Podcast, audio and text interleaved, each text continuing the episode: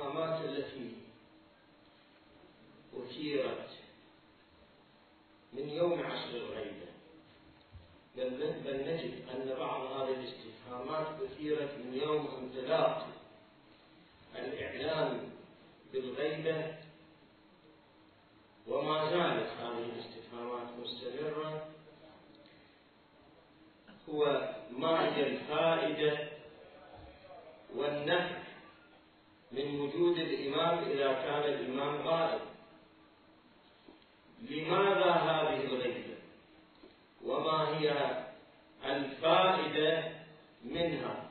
يفترض بالإمام أن يتصدى ويفترض بالإمام أن يظهر للناس ولا ما هي الفائدة من وجوده؟ هذا التصور الذي ذكر والذي أثير بإثارات متنوعة. بعض تلك الإثارات قد نشأت من حسن نية ولمعرفة الواقع كما كانت إن بعض تلك الإثارات أثيرت من الانحرافات والشبه والتشكيك أعوذ بالله بالإمام صلوات الله عليه والتشكيك بوجوده صلوات الله عليه.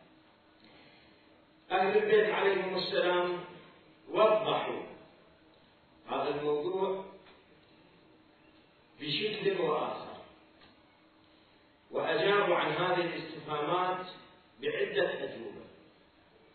نلاحظ بحديث الأئمة عليهم أفضل الصلاة والسلام بالنسبة لكثير من مسائل الأسرار الكونية تكون الأجوبة أيضا أجوبة متنوعة.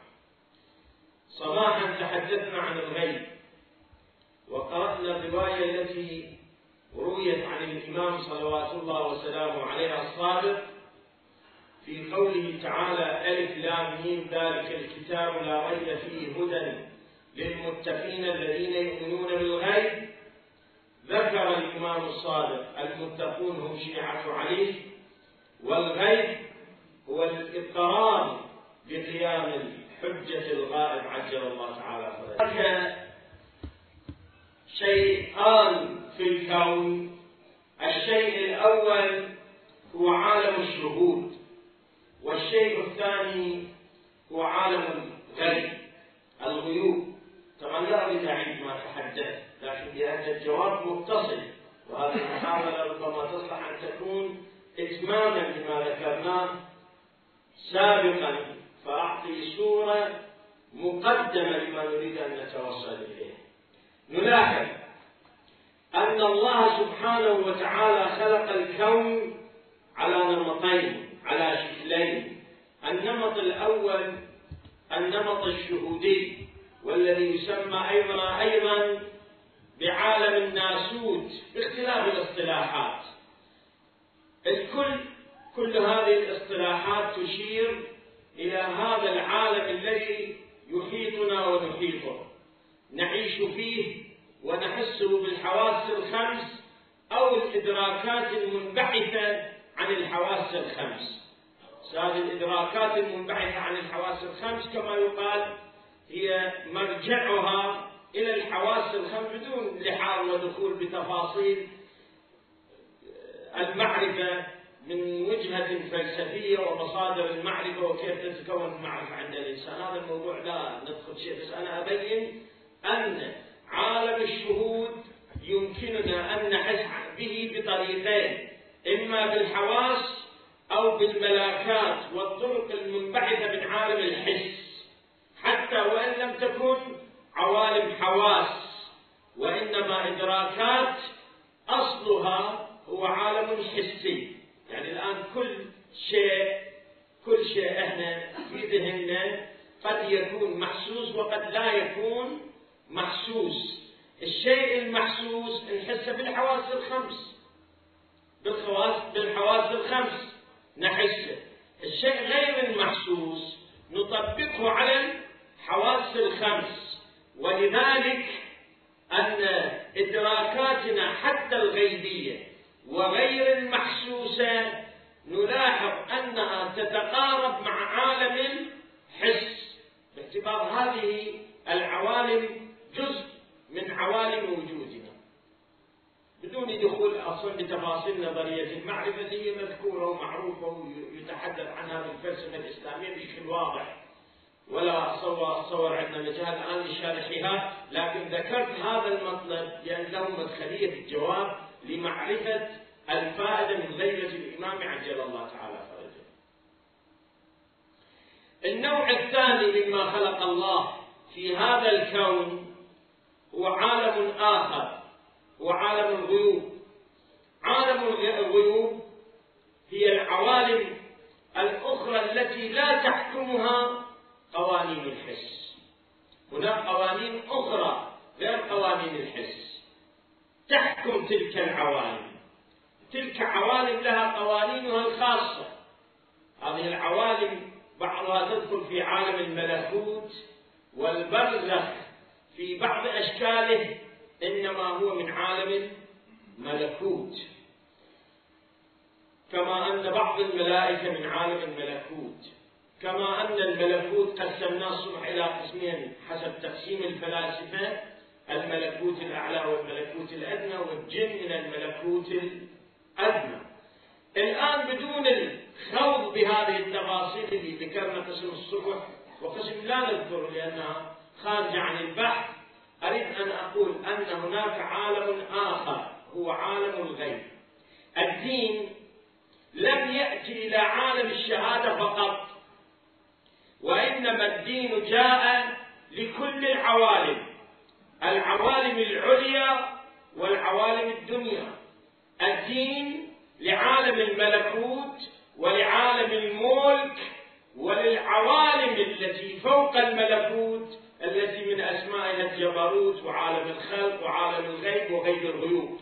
اذا لكل هذه العوالم ينزل الدين إليها. يعني لا ينزل الدين فقط في هذه الدنيا لهذا الإنسان الحاس المحسوس الذي يعيش في ضمن دائرة الحس وملاكات الحس. ولذلك نجد أن الدين القرآن الكريم الذي يعبر عن الدين وحقيقة الدين أول ما نزل كما قرأناه بالروايات وقرأتموه بالروايات نزل إلى السماء الدنيا. والسماء الدنيا من عالم الملكوت الملكوت الأعلى وليس من عالم الملك وليس من عالم الشهادة من عالم الملكوت. فأول ما نزل القرآن نزل كاملا مجموعا ثم نزل بعد ذلك إلى عالم الشهادة على شكل نجوم. فنزل تنزيلا تنزيل نزل على رسول الله تنزيل مقطع على شكل نجوم. لأن القرآن عندما نزل على ذلك العالم وهو السماء الدنيا قد نزل من قبل على تلك العوالم التي تسبق. ذلك العالم كل عالم بحسبه. وهذا كله موجود في الروايات. أنا لست بصدد الحديث كيفية نزول القرآن بس أريد أوضح هذه النقطة لنوصل إلى نتيجة. فقط كلها بيانات كلها إشارات لنوصل إلى نتيجة الانتفاع من وجود الإمام في عصر الغيبة لاحظ إذا القرآن والدين ينزل إلى كل العوالم لأن كل العوالم تحتاج إلى الدين وتحتاج إلى القرآن لكمالها ولتكميلها في دور في طور التكامل. حتى المعصومين عليهم السلام عندنا عدة روايات روايات كثيرة وصحيحة السند وموجودة في أشرف كتاب لدينا هو الكافي الشريف في المجلد الأول. إنا لنزداد في كل يوم جمعة. يزداد.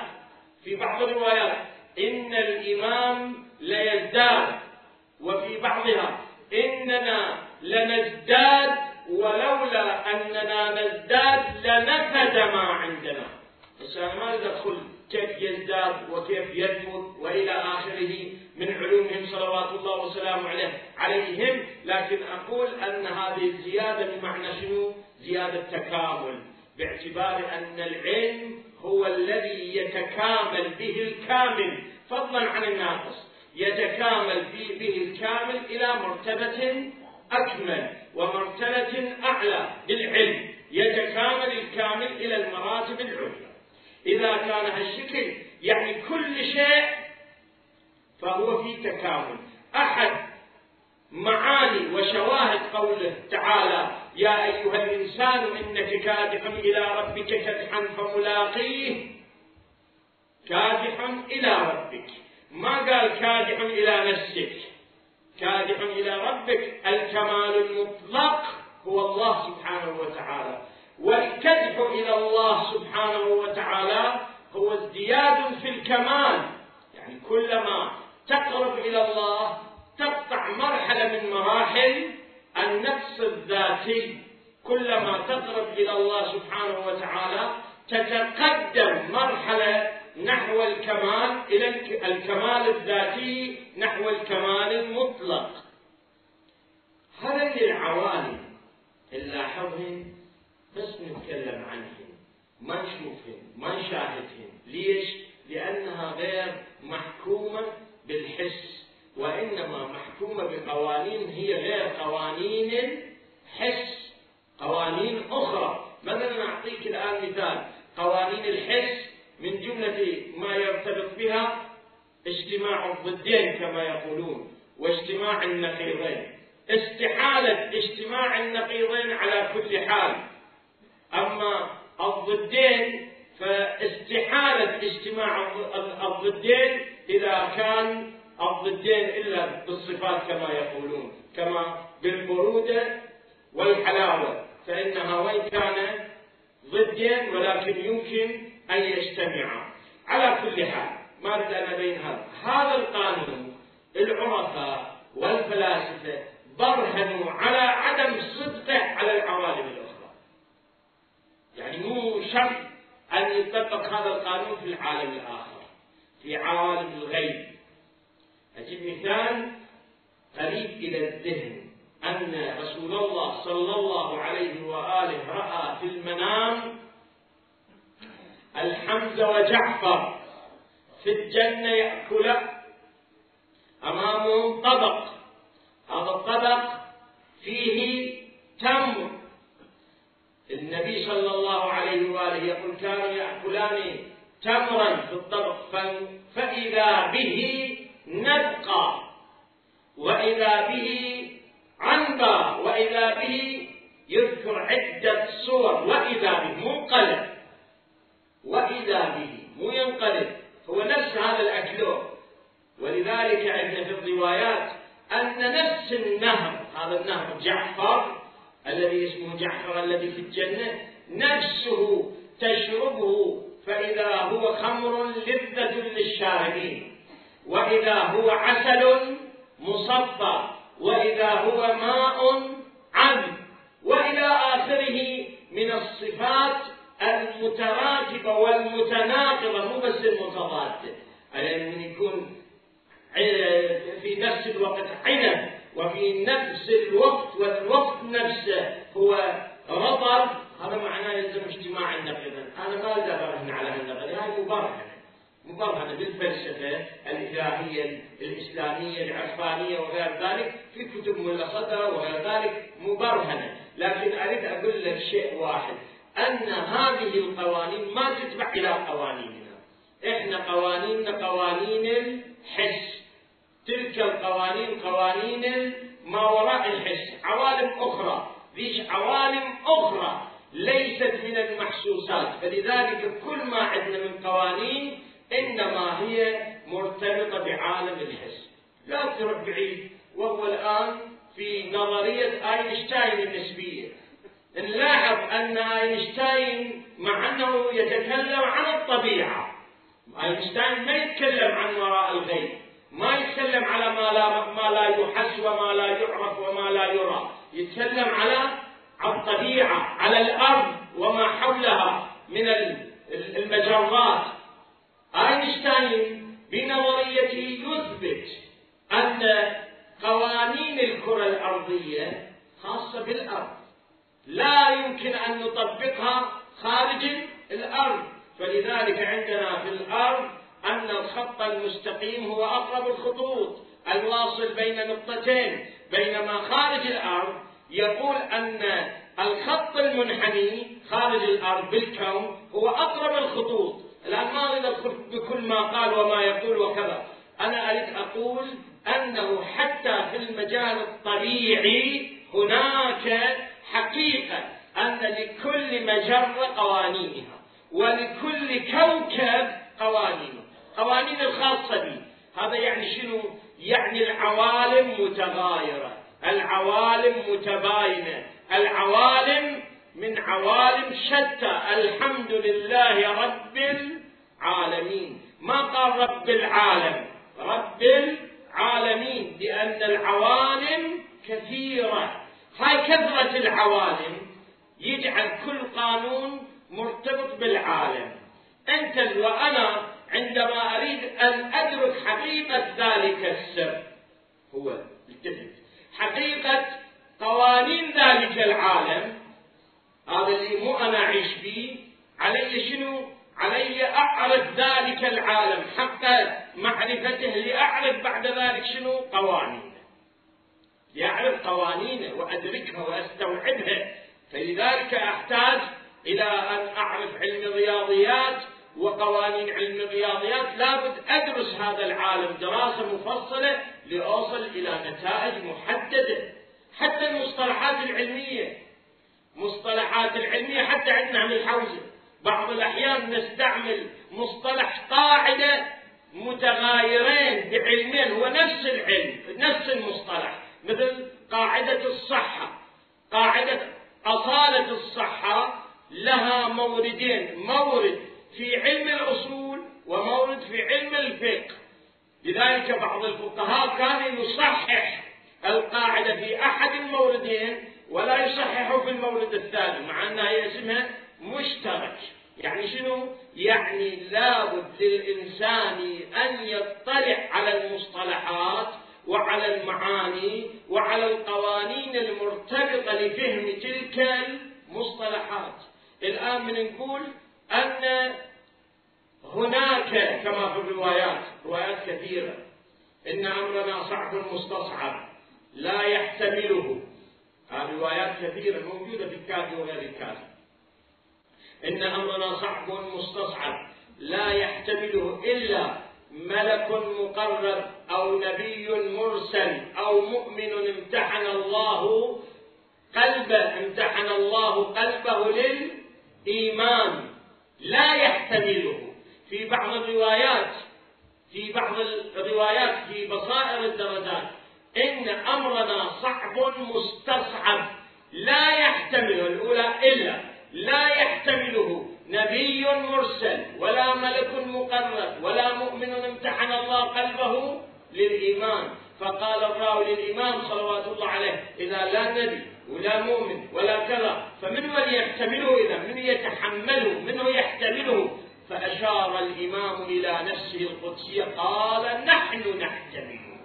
يعني الموضوع في الدين أكو أشياء لا يمكن. الدين قلنا الدين الواصل.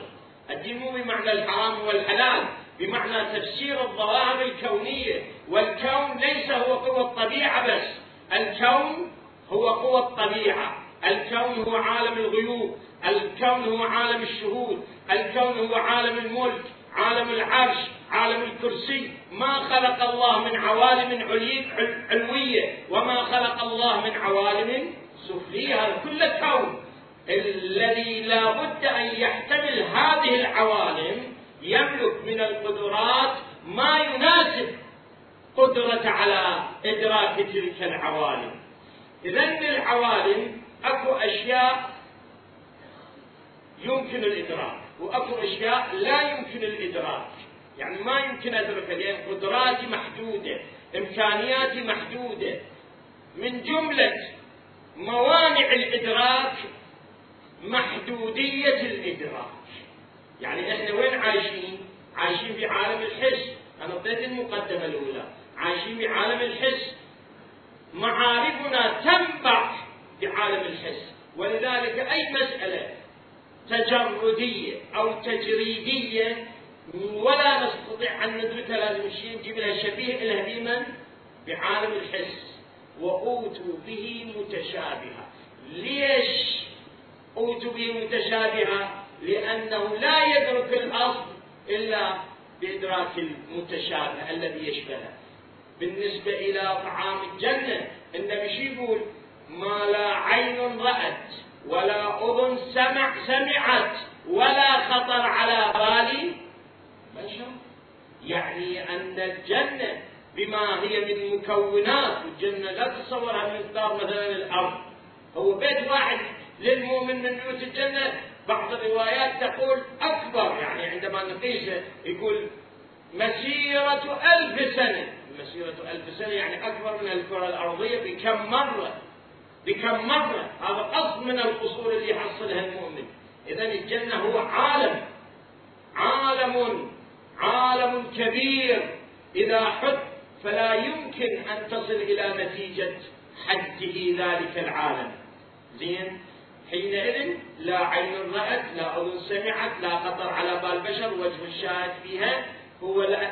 إذا ما خطر على قلب بشر وبال بشر يعني شنو؟ يعني ليس من العالم اللي أتهمه والأدركه لأني مخلوق محسوس وإدراكاتي محسوسة فأدرك الأشياء المحسوسة. الأشياء غير المحسوسة لا يمكنني أدركها. فمن يدركها إذا يدركها المعصوم أولا ثانيا يدركها أصحاب القلوب ثالثا ندركها نحن وأنتم إن شاء الله تعالى. ببركة جوارنا لسادتنا موالينا إمامنا الحسين وسيدنا أبي الفضل العباس عندما نذهب إلى الجنة إن شاء الله.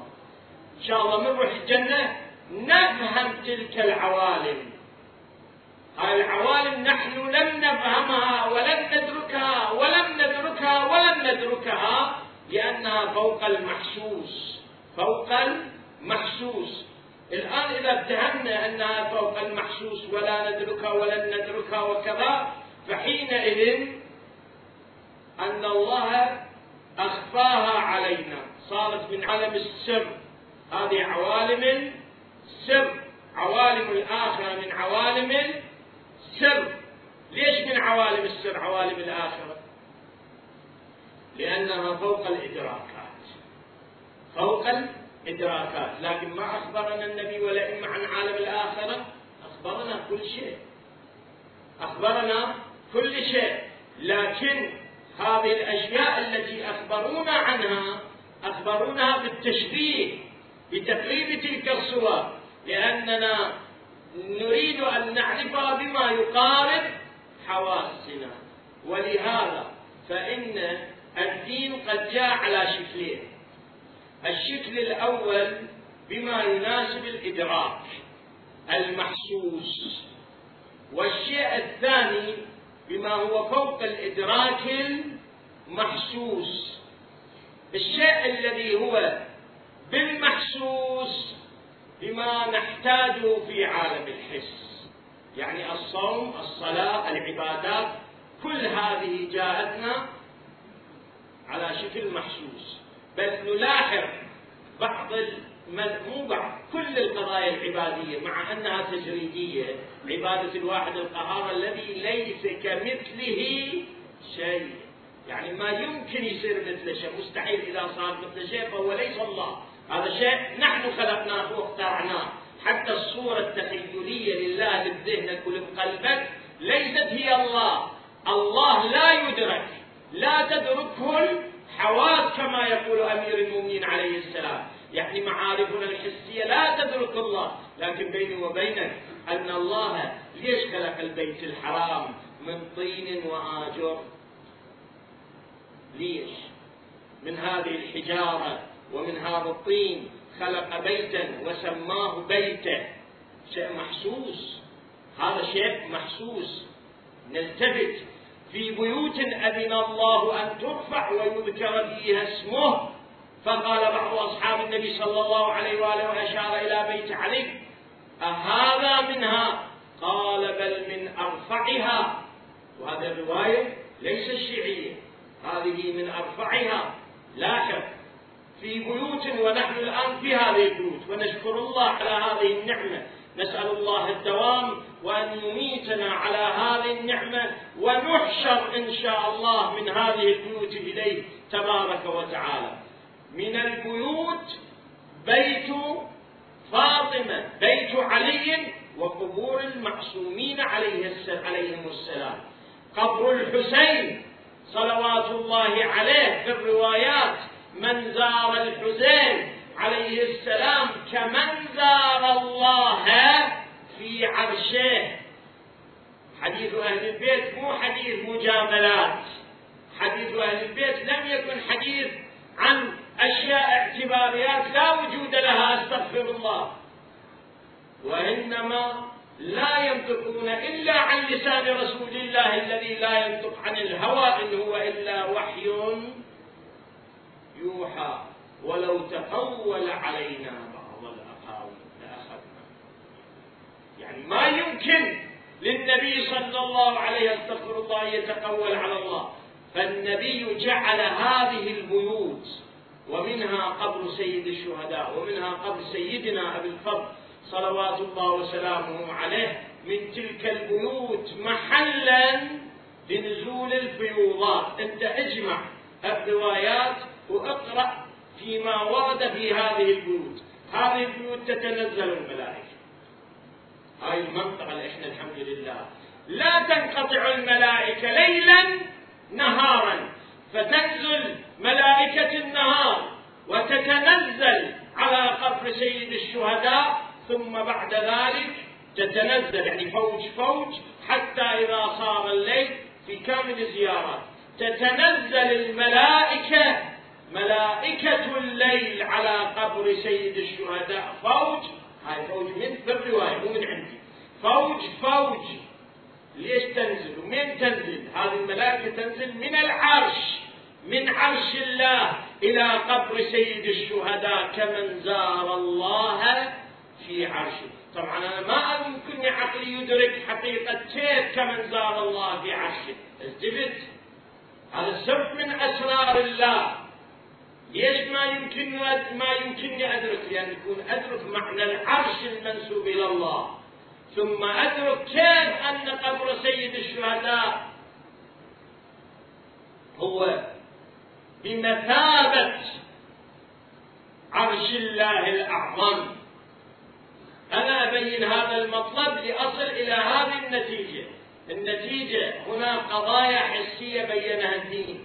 هنا قضايا تجريدية بينها بالتشبيه لنا الدين مو على نحو اليقين قربها إلينا.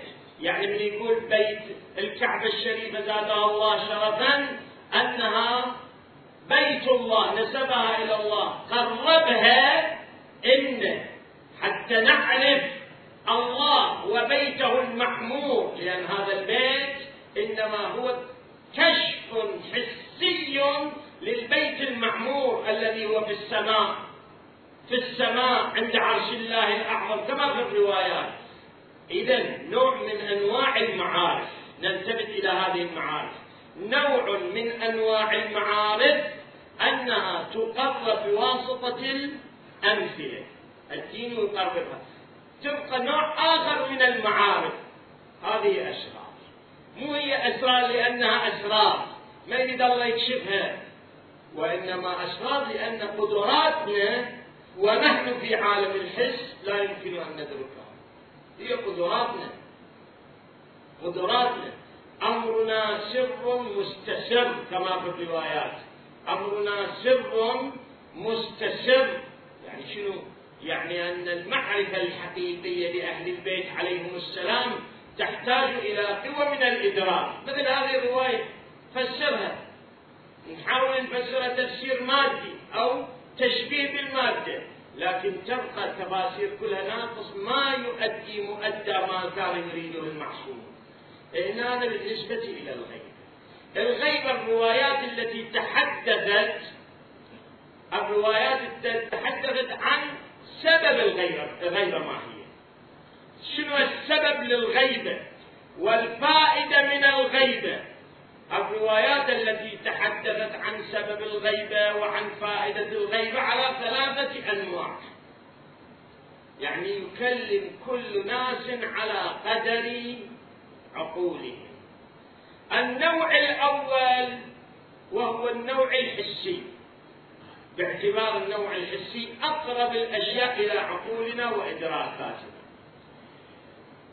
مجموعة من الروايات تحدثت عن أن الإمام عجل الله تعالى فرجه الشريف قد غاب. ليش يخاف القتل؟ من جملتها في علل الشرائع بإسناد صحيح.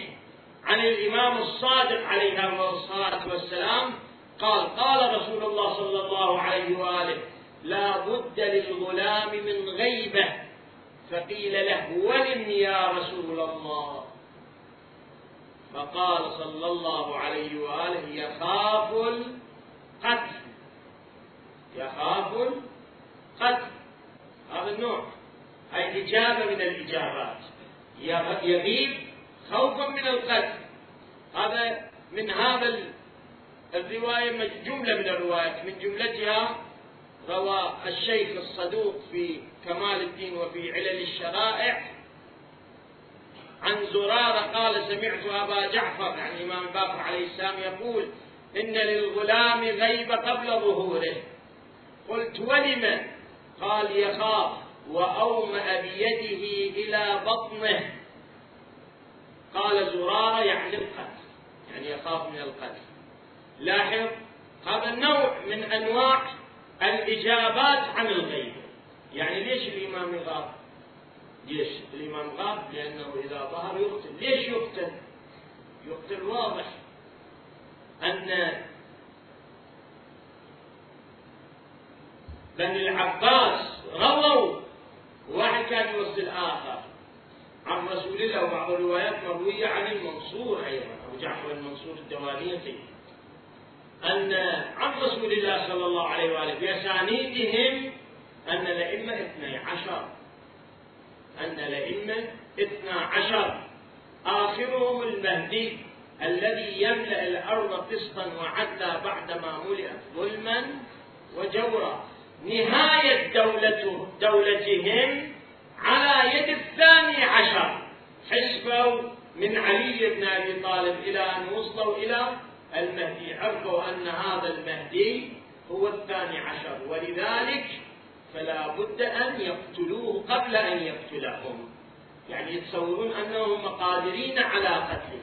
فاستتبعوه حتى أنهم وضعوا الجواسيس في بيت الإمام الحسن العسكري. ادعت جارية كما في القصة المعروفة موجودة في كمالانه هربت من بيت الفتح ابن خاقان وخلصت ونجت بنفسها تلاحظ أنه كان قد وضعوا الجواسيس في بيت الإمام. هذه القضية تشبه بها قضية قضية ولادة موسى عليه وعلى نبينا وآله السلام. هناك موسى صلوات الله عليه. قد عرف فرعون بشتى وسائل المعرفة إما بالتنجيم أو بإخبار سماوي لبعض الكذا ووصل إليه في قصص متغيرة متنوعة. المهم فرعون عرف أن موسى الذي يهلك سلطانه سوف يظهر. فإذا ظهر حينئذ يظهر يهلك سلطانه. بعثت جواسيس في بني إسرائيل. كل وحدة حامل تبقى كل مولود يقتل حتى ينهي لكن ماذا كان من أمر الله سبحانه وتعالى؟ أن أخفى ولادته. ذلك قد أخفى ولادة المهدي عليه السلام عن السلطات الحاكمة خوفا على الإمام بتعبير بعض الروايات والسيف على الرؤوس يعني كان مسلط على الرؤوس يعني أن السيف في تلك المرحلة كان في أشد مراحل الظلم والقهر والقصر على آل محمد عليه السلام. سجنوا في بيوتهم.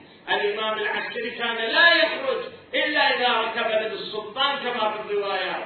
يعني إذا السلطان دز وراء حينئذ يركب ويذهب. بعض الروايات عند مسائل شرعية يقول احتلت فجعلت أبيع الخيار يبيع خيار فجئت إلى بيت الإمام ووضعت مسائلي في سلة الخيار وأعطيت إلى جانب القصة أيضا. يدق الباب يفتح يطلع الخادم في له ناولني رسائلك مع خيارك. بدون سابق معرفة. هذا دليل أن الإمام كان قد عرف بأمرها قصة موجودة يعني رواية موجودة في محل الوجه الشاهد. يحاولون أن يصلون للإمام بطرق سرية حتى السمان اللي هو العمري صلوات الله عليه عثمان بن سعيد. ما كان مهيئ له دائما يصل إلى الإمام العسكري أو إلى الإمام الهادي مع أنه كان وكيلا لهما سلام الله عليه إلا ببعض الوسائل إلا ببعض الطرق. اذا في هذا الحال من حالات الاضطهاد شو يكون الامر؟ يكون سر؟ يسر لأنه فيه قتل ولمن قتل؟ له صلوات الله عليه. الآن إذا يطلع صاحب الزمان شو تصور الدنيا؟ عموها السلام يعني قبل هالفترة هذه ليس لنا إلا لقاه صلوات الله عليه. وجه الشاهد. إذا بعض الروايات تتحدث عن سبب الغيبه بطرق طبيعية. يقول في خاف القلب.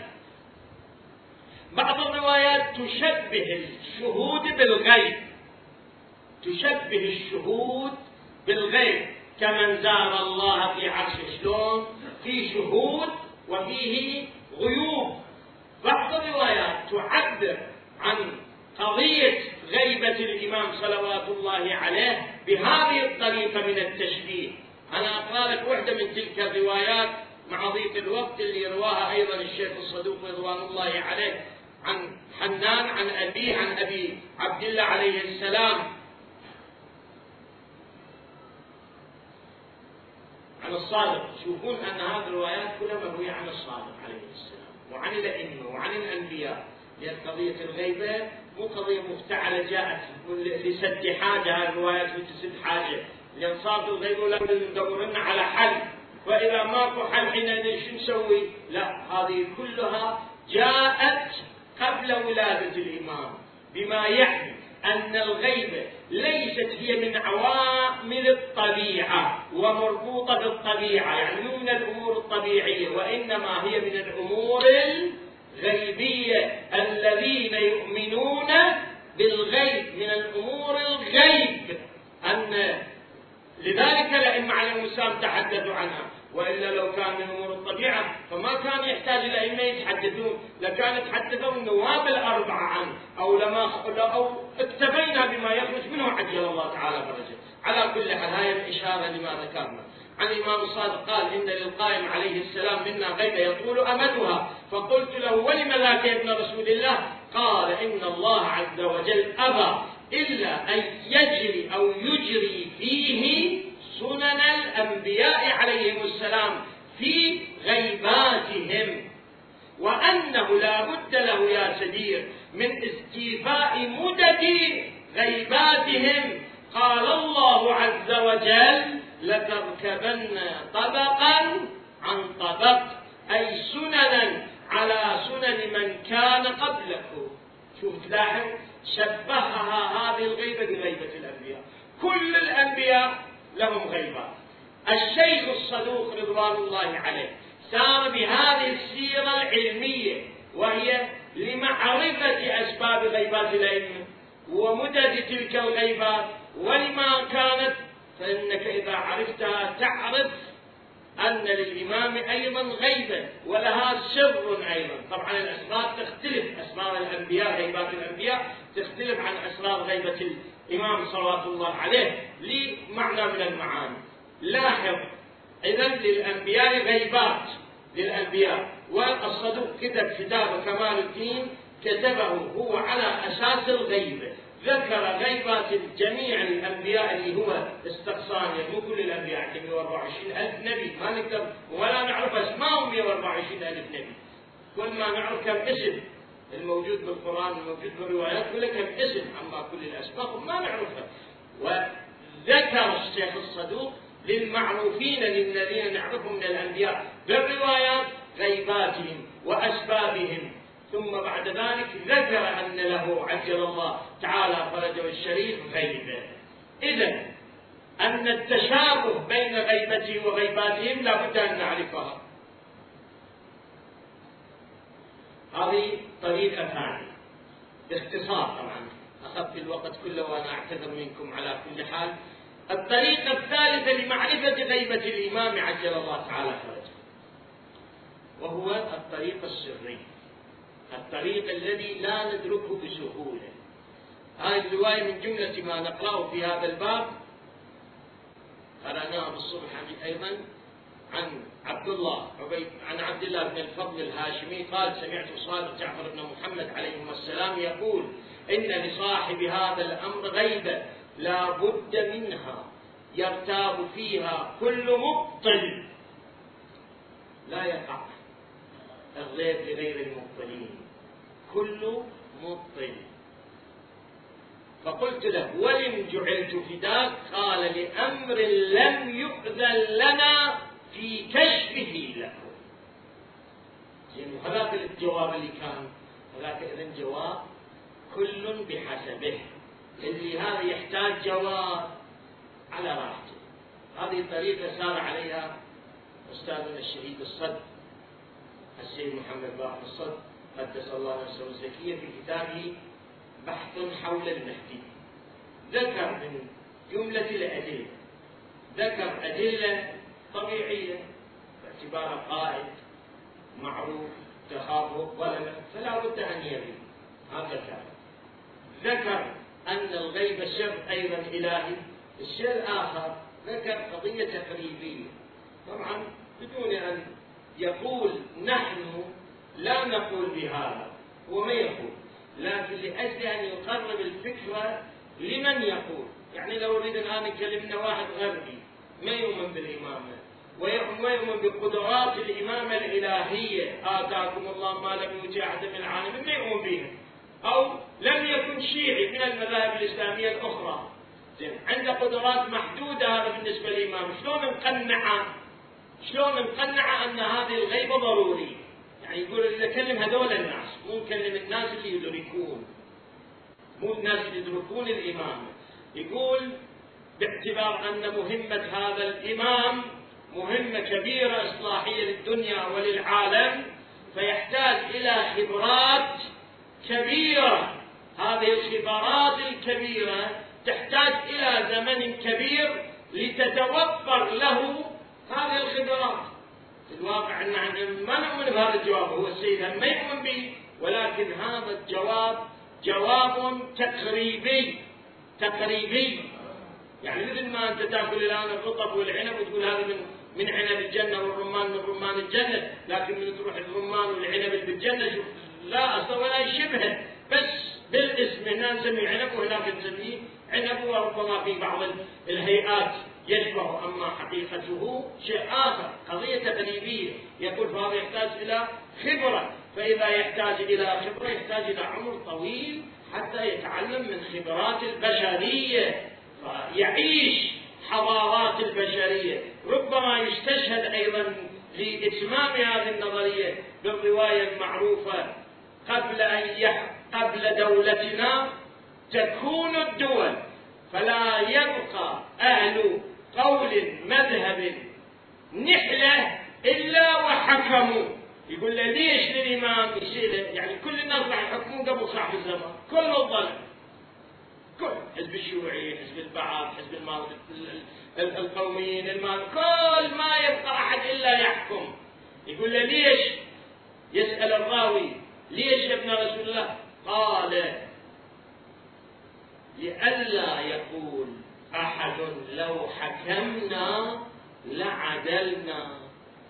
حتى لا يبقى واحد يقول لا وهذا الإمام مهدي صحيح لكن إحنا لو حكمنا هم نحكم مثله؟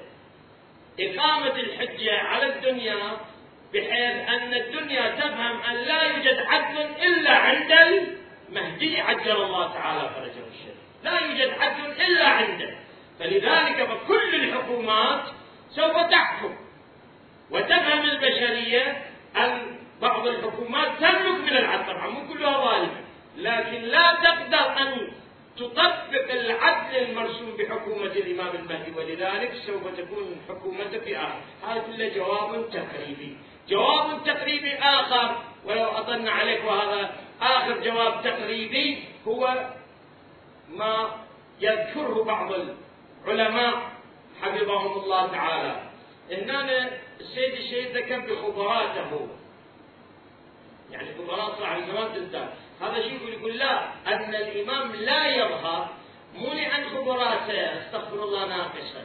هذا حتى على نحو الحقيقة ينطبق إنه صلوات الله عليه عنده من العلوم ومن القدرات ومن الكمالات التي لا تطيقها البشرية في مهدها. أنا أجيب لك مثال.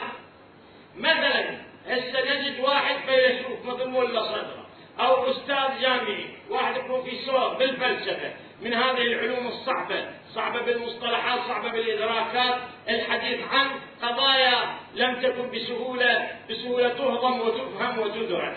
تجيبه إلى واحد مصف واحد أول ابتدائي تقول له درسه يقدر يدرسه يقدر يفهمه؟ حتى لو يقدر يفهمه شلون هذا يتم منه هذا الطفل. المشكلة مو بقدرات المدرس المشكلة وين راح تصير؟ بقدرات الطالب. لذلك الطالب لابد حتى يدرس لابد يمهد.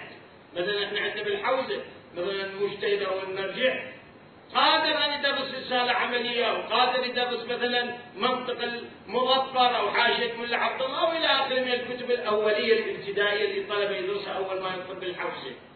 لكن ما يدرس؟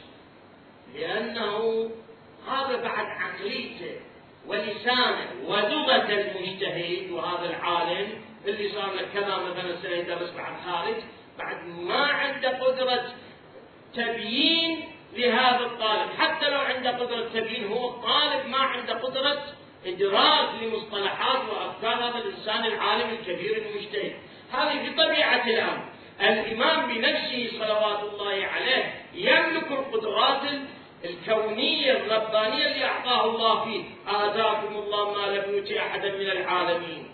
لكن وين تلقي المجتمع الذي يمكنه أن يهضم هذه القدرات علي بن أبي طالب لا يريد أن يحكم بالحكم الواقعي، يريد أن يحكم بالحكم الظاهري، كالتوراه صور ضده. كالتوراه.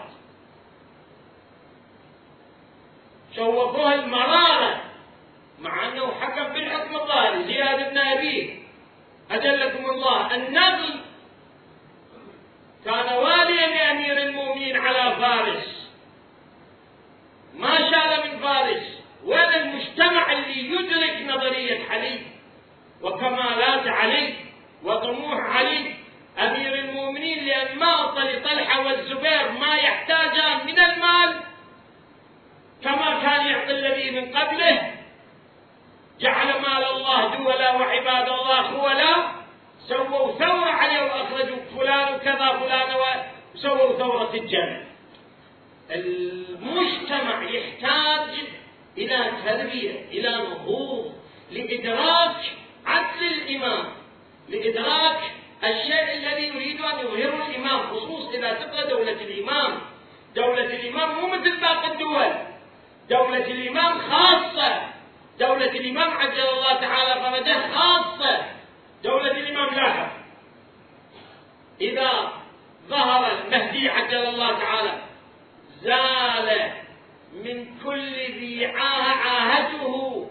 يعني هذا اللي يشوفه أعمى وهذا الأعور وهذا أعرج وهذا مريض وهذا هذا ما يقدر وهذا تعبان وهذا عنده قلب وهذا عنده كذا كل هذن العاهات اللي عندي. وعند الآخرين مجرد أن يطلع يطور الدنيا يظهر تكنولوجيا الدنيا بأعلى مستوياتها.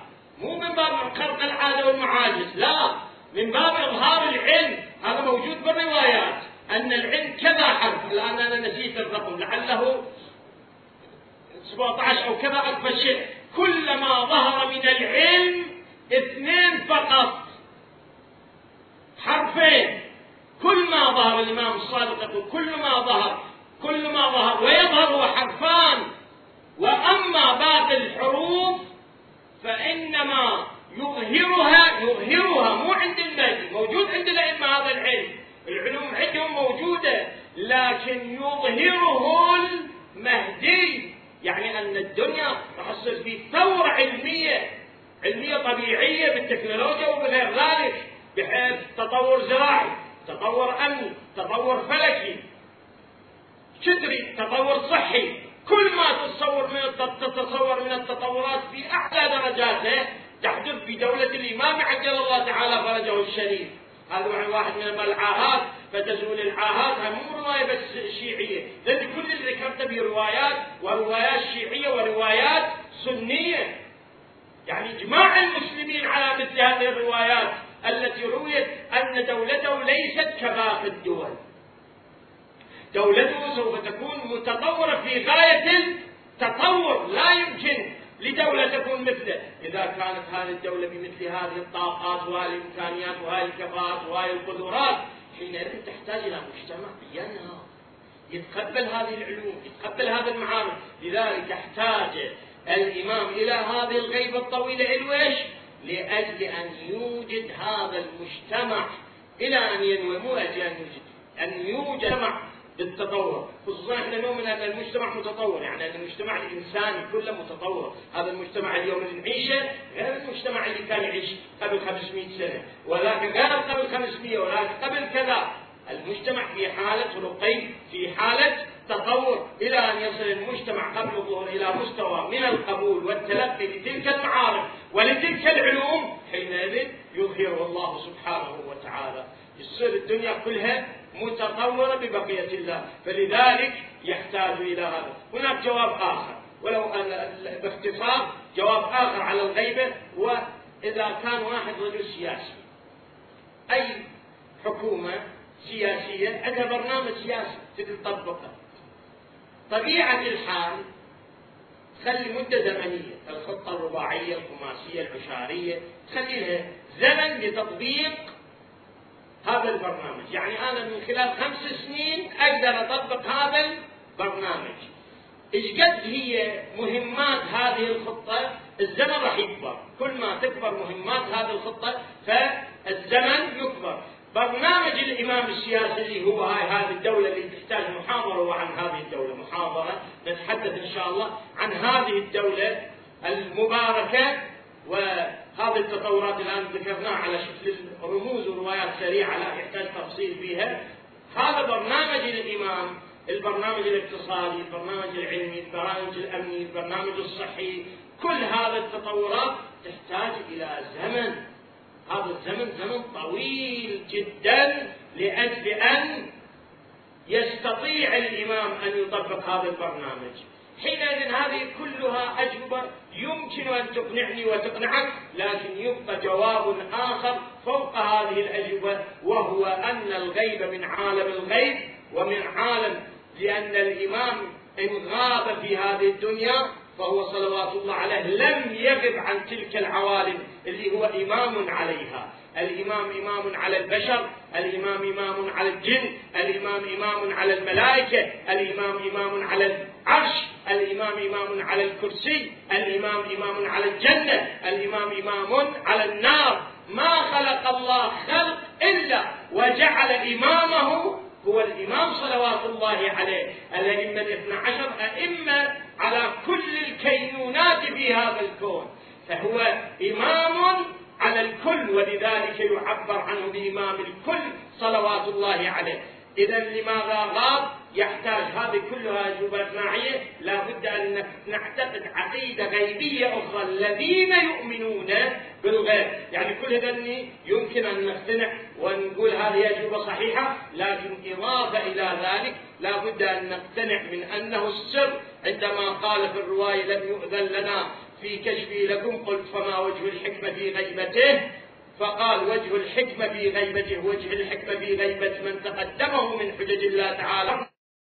أما معرفة سطحية أولية أما المعرفة الحقيقية إنما تظهر وقت بعدما يظهر. كما لا ينكشف وجه الحكمة لما أتاه الخضر عليه السلام من خرق السفينة وقتل الغلام وإقامة الجدار لموسى إلا وقت افتراقهما يعني ما عرف السر إلا بعد ما افترق الخضر اثنين من موسى. بعدين يقول له يا ابن الفضل إن هذا الأمر أمر من أمر الله وسر من سر الله وغيب من غيب الله. شوف يعني هذه الأجوبة شنو؟ أجوبة تقريبية أما الجواب الحقيقي هو الغيب يبقى تبقى سر من أسرار الله تبارك وتعالى. ومتى علمنا أنه عز وجل حكيم. وكنت تعرفون أن الله حكيم. وعجبت أن الله حكيم؟ استغفر الله من من أجل إن الله حكيم يقول وما ومتى علمنا يعني عندما علمنا أنه عز وجل حكيم صدقنا بأن أفعاله كلها حكمة لأن لا يفعل إلا لحكمة وإن كان وجهها غير منكشف لنا صحيح قد ما نعرف ليش صلاة الصبح اثنين؟ ليش صلاة الظهر أربعة؟ ليش صلاة المغرب ثلاثة؟ ليش صلاة المغرب جار في الركعتين الأوليتين في الاخيره إخفاض. ليش؟ ليش؟ كلها اسئله كلها إسرار. لكن لكن مع هذا ذكرنا بعض وجوه هذه الحكمة. الوجه الذي سوف يبقى إلى فترة أخرى نراجعه ونذكره بعد ذلك هو أنه سئل الحج عجل الله تعالى وما وجه الانتفاع في الغيبة؟ قال كانتفاع الناس بالشمس إذا جللها السحاب. فيبقى أنه الشمس إذا أصابها السحاب. هل معنى ذلك أن لا تستفيد؟ الدنيا من الشمس لا تستفيد. هذا الشيخ المجلس ذكر فمن وجوه من الاستفادة؟ وقال وراء الثمن وجوه. من وجوه أيضا من هذه الاستفادة؟ وهذا موضوع بنفسه. لكن يبقى من جملة الاستفادة أن لولا دعانا لمسكم لولا دعاء الإمام ورعاية الإمام أصابتنا الشدة والمحن. ولذلك نعيش الآن نحن بظل رعايته. نسأل الله تبارك وتعالى أن يرزقنا معرفته ورعايته وخدمته. وأن يحشرنا معه. أشكركم أستميعكم عذرا من هذه التصديع والعذاب الذي أضفته. أسأل الله المغفرة إذا في سؤال أنا أسمع. كل الأئمة لهم معاجز صلوات الله عليهم. يعني يعرف معرفة الأئمة بطريقين. الطريق الأول النص والطريق الثاني المعجزة. ذلك ألف الشيخ الحر العاملي المتوفى سنة 1150 على ما أتذكر 51 رضوان الله عليه ألف كتابه إثبات الهداة بالنصوص والمعجزات. طريق إثبات إمامة الإمام بطريقين فلا بد من وجود المعجز من الإمام حتى نعرف أنه الإمام له إمام. وهكذا الأئمة عليهم السلام. وقد ذكرت بعض معاجزه بعض معاجزه سوف تذكر تذكر إن شاء الله عند يعني المشاهدة إذا بقينا أحياء. وإذا اموات ومجرد إحيائنا إن شاء الله وخروجنا من قبورنا إن شاء الله لنصرته هو دليل على إعجازه صلوات الله. لا نسمع من جنابكم الكريم. الملامح يعني أو النقاط الرئيسيه يعني أو الدلالات اللي تاكد طبعا على ظهور الإمام. نعم العلامات. العلامات. العلامات التي على ذكرها الأئمة عليهم السلام أو رويت عنهم على نوعين. النوع الأول علامات يبدى لله فيه. يعني قد تكون وقد لا تكون وقد تكون قريبه وقد تكون بعيده وهي علامات موجودة في غيبة الطوسي موجودة في غيبة النعواني موجود بعضها في كمال الدين بعضها في كتب أخرى. ولكن هناك نوع آخر من العلامات يسموها الحتمية يعني لابد أن تصير. لابد فإذا ما صارت حينئذ لا يمكن أن يخرج المهدي لا يبدي لله فيه. هذه الحتمية بعضها أيضا يبدي لله فيها مثل قتل للنفس الزكية بين الركن والمقام بعضها لا تبقى مثل السفياني اليماني الصيحة الخسف في البيداء إذن علامات لا يتراجع عنهن لا بد أن تكون. دول ثلاثة يخرجون في يوم واحد في شهر واحد في سنة واحدة. اليماني والخراساني والسفياني. السفياني ظالم مضل اليماني رجل يبدو عنده هداية وحد وكذلك بالنسبة إلى آه، الخراساني اليماني والخراساني أهل هداية. دول يظهرون قبل ظهور صاحب الأمر بثمانية أشهر كما هي الرواية هكذا نصت عليه السؤال الأول وهو علم الإمام المهدي. علم الإمام المهدي كباقي الأئمة نوعين. النوع الأول حصولي من خلال ما يحصل عليه. علوم الأئمة ما يلي بعض العلوم عندهم مصحف فاضل. ونجد الأئمة دائما يقولون نظرت في مصحف فاطمة فإذا به كذا. مصحف فاطمة هو كتاب كتبه أمير المؤمنين بخطه وكانت الزهراء تلقيه على علي.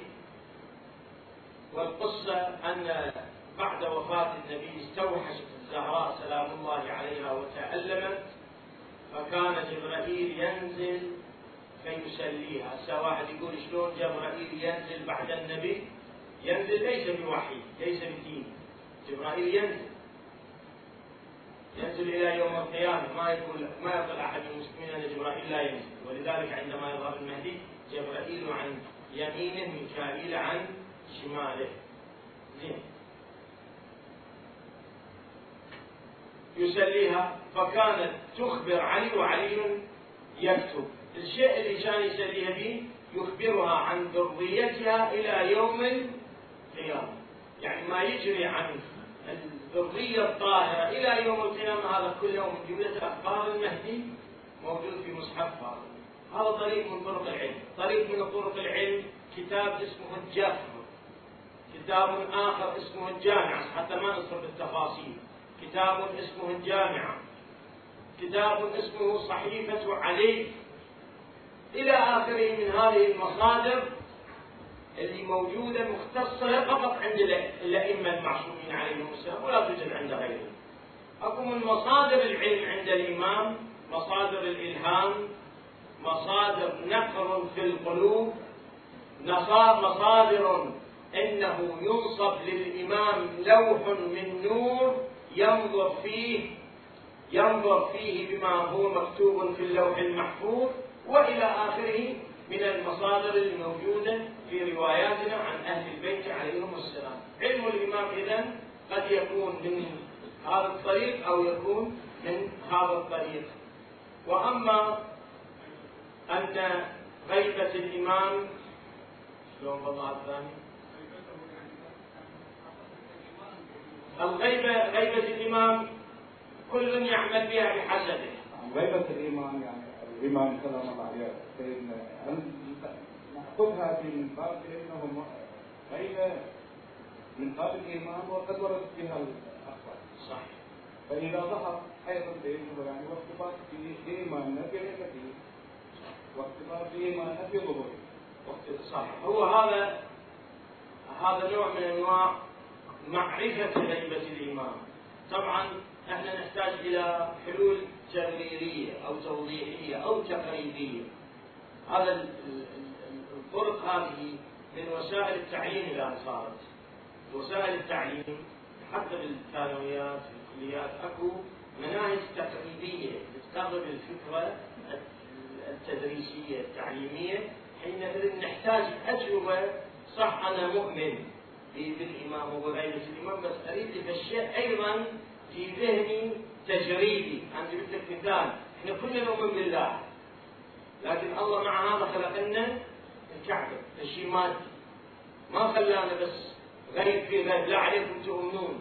خلانا فالشيء نتقرب يوميا نصلي خمس مرات إلى الكعبة، هذه الكعبة اللي هي من من آجر ومن طين، ليش؟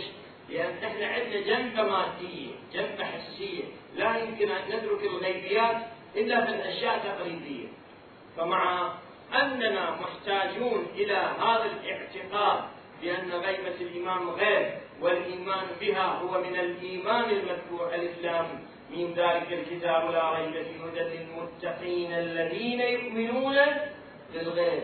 يعني إيماننا كلما يشتد بالإيمان المهدي إنما كلما نكون إيماننا أكبر هذا صحيح لكن مع هذا نحتاج إلى طرق تقريبية لهذا ومن هذا الطرق بينا البيانات اللي ذكرناها لكم. إذا تسمح لي السؤال الأول عن الفترة اللي يحكم بها الإمام المهدي عجل الله لأن اختلفت الروايات الموضوع. والشيء الثاني أنه هنالك آه، رواية تقول أنه يقاتل مع الإمام المهدي عجل الله فرجه الملائكة والسيف والرعب والقوة الكونية. قال إن هذه الرواية يعني هنالك دلائل تفيد الله اثباته طبعا أن هناك روايات مختلفة بمدة حكم الامام بعض الروايات تقول إنه يحكم سبع سنوات في سبعين سنة. يعني يبدو أن الفلك سوف تتغير حركته بما يصير الواحد بعشرة سبعة. بعضهم يقول أن السنوات سوف السبعة والسبعين إنما للمبالغة كما في القرآن لا استغفرت لهم سبعين مرة فلن يغفر الله لهم. ليس المقصود منه العدد وإنما إشارة إلى الكثرة.